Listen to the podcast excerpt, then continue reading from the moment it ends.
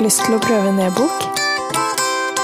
På ebook.no-appen finner du tusenvis av gratis utdrag. God bok.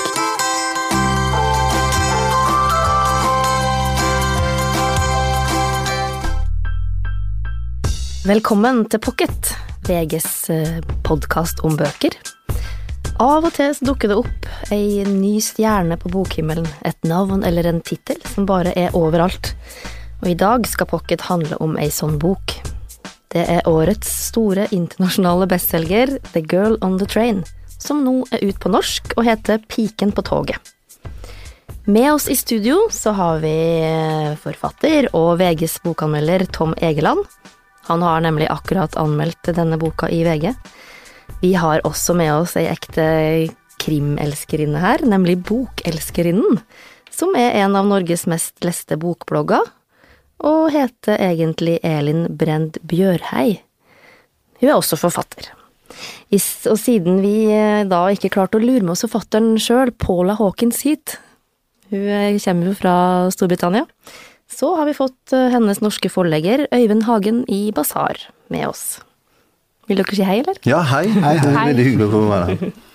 Øyvind, bare helt først, før vi går liksom nærmere inn på den boka. Du er jo liksom spesielt kjent i bransjen for å fange opp sånne bestselgere, du. Ja, jeg er jo det. det ja, du er jo det. Jeg har skjønt det etter hvert. Ja. Nå har du på en måte klart det igjen med Piken på toget. Vi vet jo ikke hvordan det går i Norge, men det ser bra ut. Hva var det som gjorde at du satsa på den boka? Nei, det var jo fordi altså vi Det er jo alltid Ja, vi fikk den tidlig. Altså vi, vi fikk den fra en agent. Og det var midt på sommeren. Så det var vår redaksjonssjef som leste den først. Og vi fikk bare synopsis. Så, så hun ble helt fra seg. Hun klarte ikke å sove om natten og var på det nivået der. Og fikk jo ikke tak i jenten, så hun var på ferie da.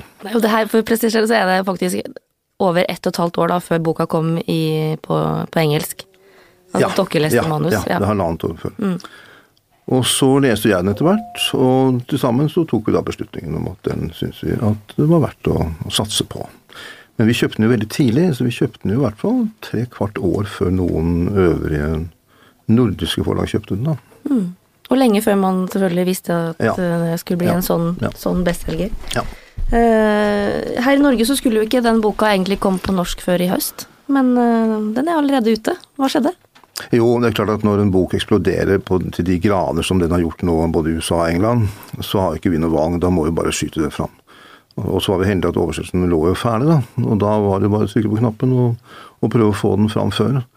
For det er jo sjelden man ser en sånn eksplosjon. Det minner jo om ja, minner om Da Vinci-koden og Harry Potter og sånn, altså, rett og slett. Ja.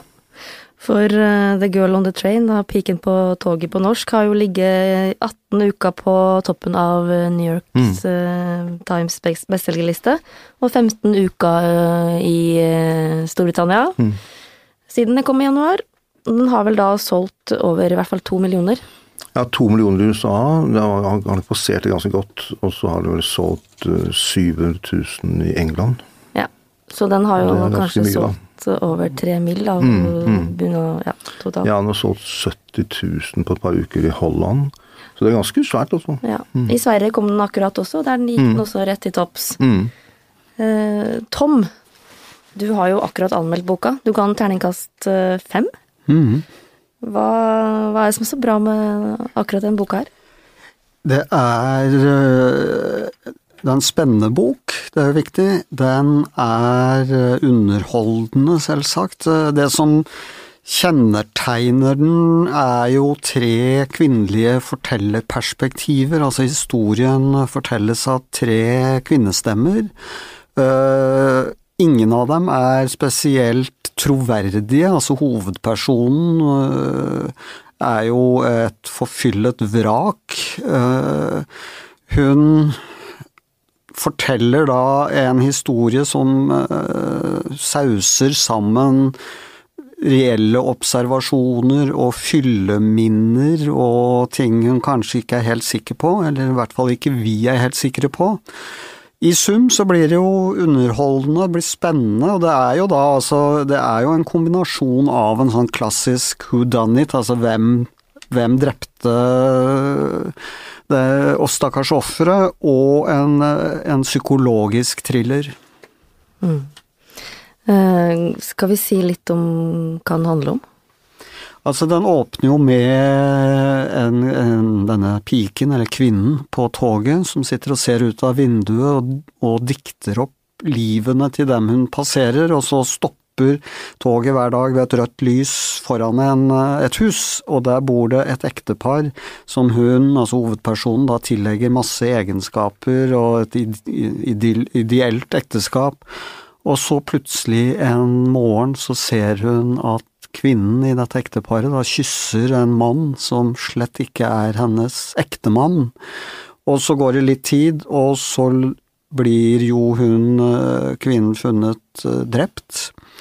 Eh, og hovedpersonen forsøker jo da å hjelpe, i anførsel, politiet. Hun forsøker også å huske uh, hva hun egentlig har sett, hva hun egentlig har opplevd. Og, og dette, denne idyllen som, som, hun åpner med, er jo ikke fullt så idyllisk, da. Og, og, vi følger da denne hovedpersonen, vi følger drapsofferet som ligger naturlig nok noen måneder bak i tid i kronologien, og vi følger eh, den nye kona til hovedpersonens eh, eksmann. Alle disse er jo på ulike nivåer involvert i historien, men, men, men, har helt ulike innfallsvinkler og perspektiver på det som skjer. Eh, og jeg tror den treenigheten, for å kalle det det, er noe av det som bidrar til romanens eh, styrke. Mm. Du, du, skriver jo i anmeldelsen din at gjennom hele boka trodde du at du skjønte hvem morderen var, og mm. du tok feil. Mm. Nå må ikke du avsløre noe her, da, men Fryktelig irriterende, fordi at du er eh, så overbevist om at du har skjønt det. Ja. Og dette er jo det, en, en, av styrkene ved kriminallitteraturen. Da. Det er jo nettopp den leken mellom forfatter og leser. Altså det eksisterer jo et sett med konvensjoner uh, hvor, hvor, hvor forfatteren da lurer oss, hvis han eller hun er flink, til å tro noe vi innbiller oss vi har skjønt, og så viser det seg at vi er jo blitt lurt. Mm. Uh, og jeg elsker jo å bli overrasket på den måten, altså jeg blir jo litt skuffet hvis jeg tidlig skjønner hvem det er, og så er det, det den. Bokelskerinnen, skal jeg kalle det det, eller er det Elin i dag? hvordan, eh, hvordan, var din leseropplevelse av uh jeg er veldig enig med, med, Toms anmeldelse. Han skriver at boken var besettende, og det er jeg veldig enig i. Jeg syns den var veldig spennende. Den var vanskelig, vanskelig å legge fra seg. Um, den er veldig godt oppbygget. Um, og så har du hele tiden det der hvem skal du tro på av personene? Og Rachel er jo en veldig interessant hovedperson. Um, uh, som hele tiden veksler mellom mellom eh, ulike Altså mellom å være sårbar i den ene og, og, i den annen eh, På den andre side så kan hun være veldig, veldig hands on. Eh, og så syns jeg forfatteren er veldig god på menneskelige relasjoner. Det syns jeg var noe av det. Jeg likte veldig godt med boken. Ble du like lurt som Tom? I første delen av boken men midten av boken så begynte jeg å skjønne hm, kanskje kan det være sånn. Klarer man å si noe om eh, hvorfor akkurat den boka her er på alles leppa? lepper?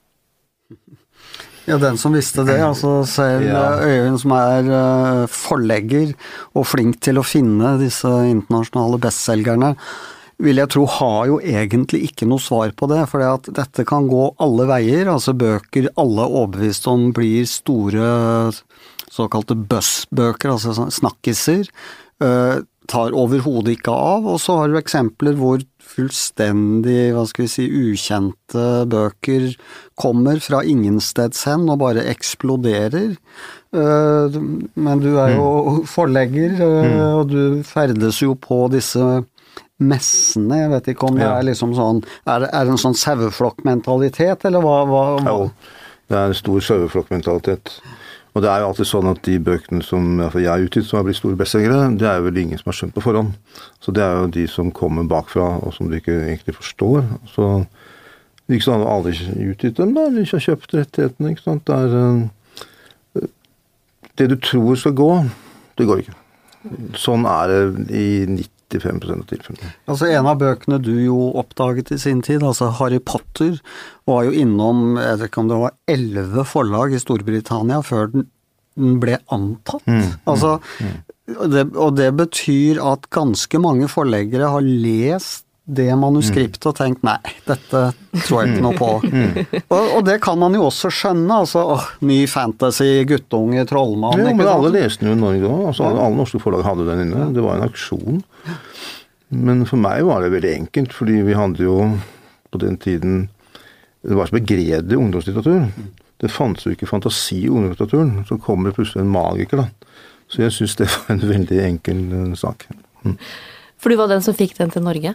Altså, ja. Mm. Og det samme med Da Vinci-koden og Dan Brown. Ja. Men jeg spurte jo deg før litt Mm. eh, Vi snakka om at du skulle komme hit i dag, så spurte jeg men hvorfor tar dette plutselig sånn av? Da, da sa jo du aner ikke. Nei, Men, hvem eh, som visste det Jeg tror at det er to ting med denne type bøker. Jeg tror at vi er veldig fascinert av den menneskelige syke, eh, og vi ønsker å forstå. Samtidig så forteller disse bøkene om noe veldig menneskelig som vi kan relatere oss til i ulike tilfeller, og jeg tror det er det som blant annet treffer. Men også oppbygningen med, med alterneringen med ulike synsvinkler. Det tror jeg, tror jeg treffer. Og, og dette med at um, når man kommer til dette med upålitelige fortellere, så handler det om at uh, kanskje vi alle kjenner oss litt igjen i forhold til at vi alle lyver litt for oss selv. Og Ja, det, men det er jo likevel veldig sånn øh, vanskelig å skjønne hvorfor øh, den plutselig selger én million på sju uker. Det er jo ingen som Ja, altså, visste Paula tilsvarende- Hawkins var da den utkom Nei, vi har et tilsvarende eksempel. Også. Jeg Mm. tok med en bok her, som vi utga. Så den kom ut ett år før Flink pike, eller Gone Girl. Som jeg vil si er den mest upålitelige av alle fortellerne. Da? For hun glemmer jo absolutt alt når hun går lengst om natta. Og våkner om morgenen uten noe hukommelse i det hele tatt. Og klarer allikevel da å avsløre denne veldig truende situasjonen hun er i. Og Jeg tror den åpnet på en måte sjangeren. og Det er en fantastisk bok, syns jeg. Og den ble en kjempebestselger sånn over natten også i, i England. Men ikke så stor i resten av verden. Nei, du må si tittelen og Ja, dette 'Før jeg sovner' av S.J. Watson. Så, for den syns jeg går langt utenpå la oss si, Gone Girl. Da. Så den er en veldig fantastisk roman, syns jeg. Ja. Så jeg tror kanskje den åpnet sjangeren. Men den upålitelige fortellerstemmen har jo absolutt her. Men Ja. om det er det som gjør det, kan ikke jeg si. altså. Nei, fordi det er jo en øh, Vi snakker jo egentlig om en litterær trend, øh, bare for å forklare det litt. øh, Som mange kanskje tenker starta med Gillian Flynn og Flink pike, men som du nå tenker starta med Før jeg sovner. Eh, Og etter dette har jo også Elisabeth er borte av Emma Healy kommet, som, som fikk sekser i VG i, før i, i vår. Eh, Og disse bøkene har jo da fellesnevneren med at de har en sånn type upålitelig forteller. Eh, Kan du forklare lytterne litt, Tom? eh, Hva er upålitelig forteller? Det er jo som, som ordet sier, altså en fortellerstemme som ikke nødvendigvis forteller sannheten. Enten fordi de, som i, dette tilfellet, er forfylla. Eh, Elisabeth er borte, fortelles jo, eller altså hovedpersonen der er jo en eh, dame i 80-årene som sliter med demens. Altså hun, husker ikke at hun har vært hos politiet fem ganger før og anmeldt den samme saken. Eh, Gone Girl, Flink pike, er jo også et godt eksempel fordi forfatteren i det tilfellet, altså der er jo to fortellerstemmer, da, hun og han, eh, og hvordan disse to fortellerstemmene gjennom romanen utvikler seg veldig, altså det vi tror er veldig sympatiske mennesker viser seg å være usympatiske og omvendt, og, og, og handlingen snur seg, altså tar hele tiden nye vendinger. Um, så, så, men det er klart at altså begreper som den upålitelige forteller, altså dette er jo bare eh, Altså, dette, altså sånn har jo litteraturen vært siden Shakespeare, altså det er jo ikke et nytt fenomen. Men det er klart at forlagene og vi bokanmeldere er opptatt av å feste merkelapper til noe, når, når, noe enten tar av eller som en forklaring. Men det er klart at altså, litteraturhistorien er jo full av upålitelige fortellerstemmer, og det, og det er kanskje litt av det vi fascineres av, altså det at vi lar oss lure. Mm. For jeg tenker jo hovedpersonen Rachel i Piken på toget, hun, er, hun setter jo nesten rekord i å være upålitelig. Nei, du vet jo, du har veldig vanskelig for å vite hva du skal tro på, og når hun prøver å tenke tilbake, så vet du jo ikke om Husker hun dette? Har hun sett dette? Um, kan man stole på det? Um, så, hun stoler jo ikke engang på seg selv. Nei, hun gjør jo ikke det. Nevne også det, altså hun sitter jo på toget hver morgen på 8.04-avgangen inn til London, så viser det seg jo etter hvert at hun reiser jo ikke på jobben, altså for den har hun jo mistet, ikke sant. Så igjen, dette er en del av hennes livsløgn, hun vil ikke overfor sin altså landlord, altså den som leier henne rom, innrømme at hun har mistet jobben. Hun vil jo heller ikke egentlig innrømme at hun har et alkoholproblem, altså selv ikke når hun ligger og kaster opp i trappa, så liksom det, det, Nei, det er liksom ikke alkoholen, hun har kontroll på dette. Og, og, og, det er klart, det er jo hva skal vi si, en, en, gjenkjennelighet i det, selv om de færreste av oss hva skal vi si, går så langt, da, så er jo det at vi liker jo gjerne å pynte litt på fasaden og virkeligheten, og når først dette begynner å slå sprekker, som det jo gjør i, i denne boken, så, så, så, blir jo sprekkene så ekstreme også, nettopp fordi altså, for eksempel at politiet da begynner å lure på hva er det med henne, altså skal vi, er hun et vitne? eller kan hun teoretisk liksom være involvert? Det kan jo altså, være morderen, Ja, altså, ja, i teorien, ja, mye, du, du, du, vet jo ikke, og du vet jo at den skyldige er jo innenfor den lille kretsen av personer som er omtalt uh, i boken, og det, det, er jo også en, en, styrke, altså det at ikke det dukker opp en hva skal vi si, ukjent gjerningsmann på nest siste side. Så, og, og, og, da ville man blitt veldig irritert. Ja, det Enda blir man jo. Og, alle, alle, hva skal vi si, alle sporene ligger jo der, så det handler jo mest om å, å se dem, da. Mm. Det er jo en krimsjanger som uh, har liksom litt oppsving med alle disse damene som skriver, da. Gillian Flynn, Paula Hawkins, denne nye dama som egentlig ikke er helt uh, ny som forfatter. Hvis vi skal nei. presentere hun litt, Øyvind, så er hun jo Hun har jo utgitt Ja, nei, hun, hun, hun, hun utdannet seg jo til uh, journalist. Hun er jo fra Zimbabwe, egentlig. Utdannet som journalist, og, og ble etter hvert finansjournalist. Uh, og det var vanskelig å få arbeid så hun begynte å skrive chiclet-bøker. Men de ble jo mørkere og mørkere, så til slutt så skjønte hun at hun var liksom på et annet kjør, et annet spor. Så, men de solgte jo ikke noe heller, så hun var jo totalt blakk til slutt. Og hun da Hun skrev da boken hun Da måtte hun låne penger av faren, det syntes hun var pinlig. Og til slutt så måtte hun sende boken til agentene, eller forlagene, da, før den var ferdig. For hun hadde ikke råd til å fortsette lenger. Og da, da våknet forlagsverdenen. For da leste jeg et synopsis, sånn som vi også leste, da. Og da ble det noen enorme auksjoner, og da skjønte jeg at det var et eller annet på gang her. Ja, Så hun satt egentlig med et enormt press på seg, hun var blakk når ja. hun begynte å skrive den boka her? Ja, minner om en del andre forfattere, ja. syns jeg da. Ja.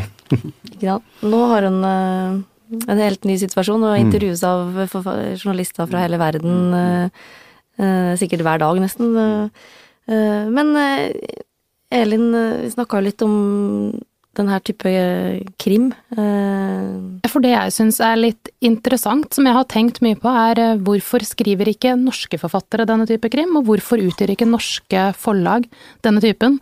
Vi har jo veldig ofte en krimhelt vi følger gjennom flere bøker, det er jo det som er mye av trenden her. Um, så jeg syns det er veldig rart at vi ikke har noen norske eksempler ennå.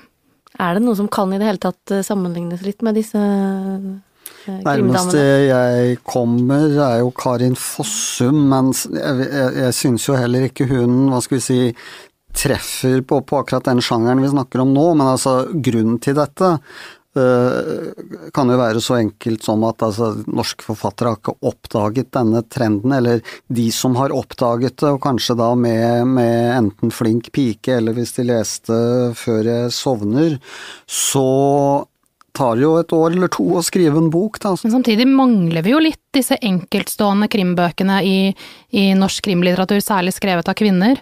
Du har noen mannlige krimforfattere som skriver enkeltstående bøker hvor du kan lese boken, og så er du ferdig med den, men det er jo stort sett bare serier. Ja, du hadde jo Pernille Rygg i sin tid, da. Hun skrev noen Men nå- fantastiske kriminalromaner, må jeg få lov til å si. Litt i samme sjanger. For å ta opp tråden igjen. Mm. Enn så lenge, altså Piken på toget kommer jo da på norsk eh, 1. juni, og allerede trykka i nytt opplag, Ja. eh, forstår jeg. Solgt ut med en gang. Mm. I Pocket så um, avslutter vi alltid med boktips. Eh, Øyvind, du har jo allerede Ja, nei, jeg har jo allerede tipset om Før jeg sovner, fordi den syns jeg egentlig fortjener et eh, mye bedre, et, lengre, et større publikum i Norge. For det er en av de mest spennende bøkene jeg har lest på år og dag, og var eh, en stor leseopplevelse for meg. Mm. Passer veldig godt i dag, da. Med, man Ja. får lyst til å liksom gå tilbake litt med med Ja. forteller. Og Og, han, og han, Det var jo hans debutroman, så han kom med en ny roman nå som heter 'Dobbeltliv', som er ute til høsten. og Det skal bli spennende å se hvordan det går. hva med deg, Elin? Er det noe du har anbefalt på bloggen i det siste, eller kommer Denne boken er ikke anbefalt på bloggen ennå, men det er en bok som heter Luckiest Girl Alive av Jessica Knoll, og dette blir regnet som eh, trolig sommerens krimhit i USA. Det handler om eh, Annie som har en glamorøs jobb i et motemagasin, og hun har en kjekk forlovede og egentlig livet helt på stell.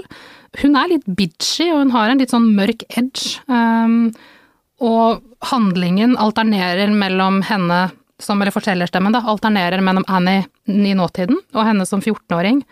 Og det er mørkt, og det er morsomt, og vi skjønner at det ligger en hemmelighet her i fortiden hennes. Og, um, og etter hvert så, så blir det jo også kjent at dette handler jo om noe som har vært mye i media i Norge i det siste, om mobbing.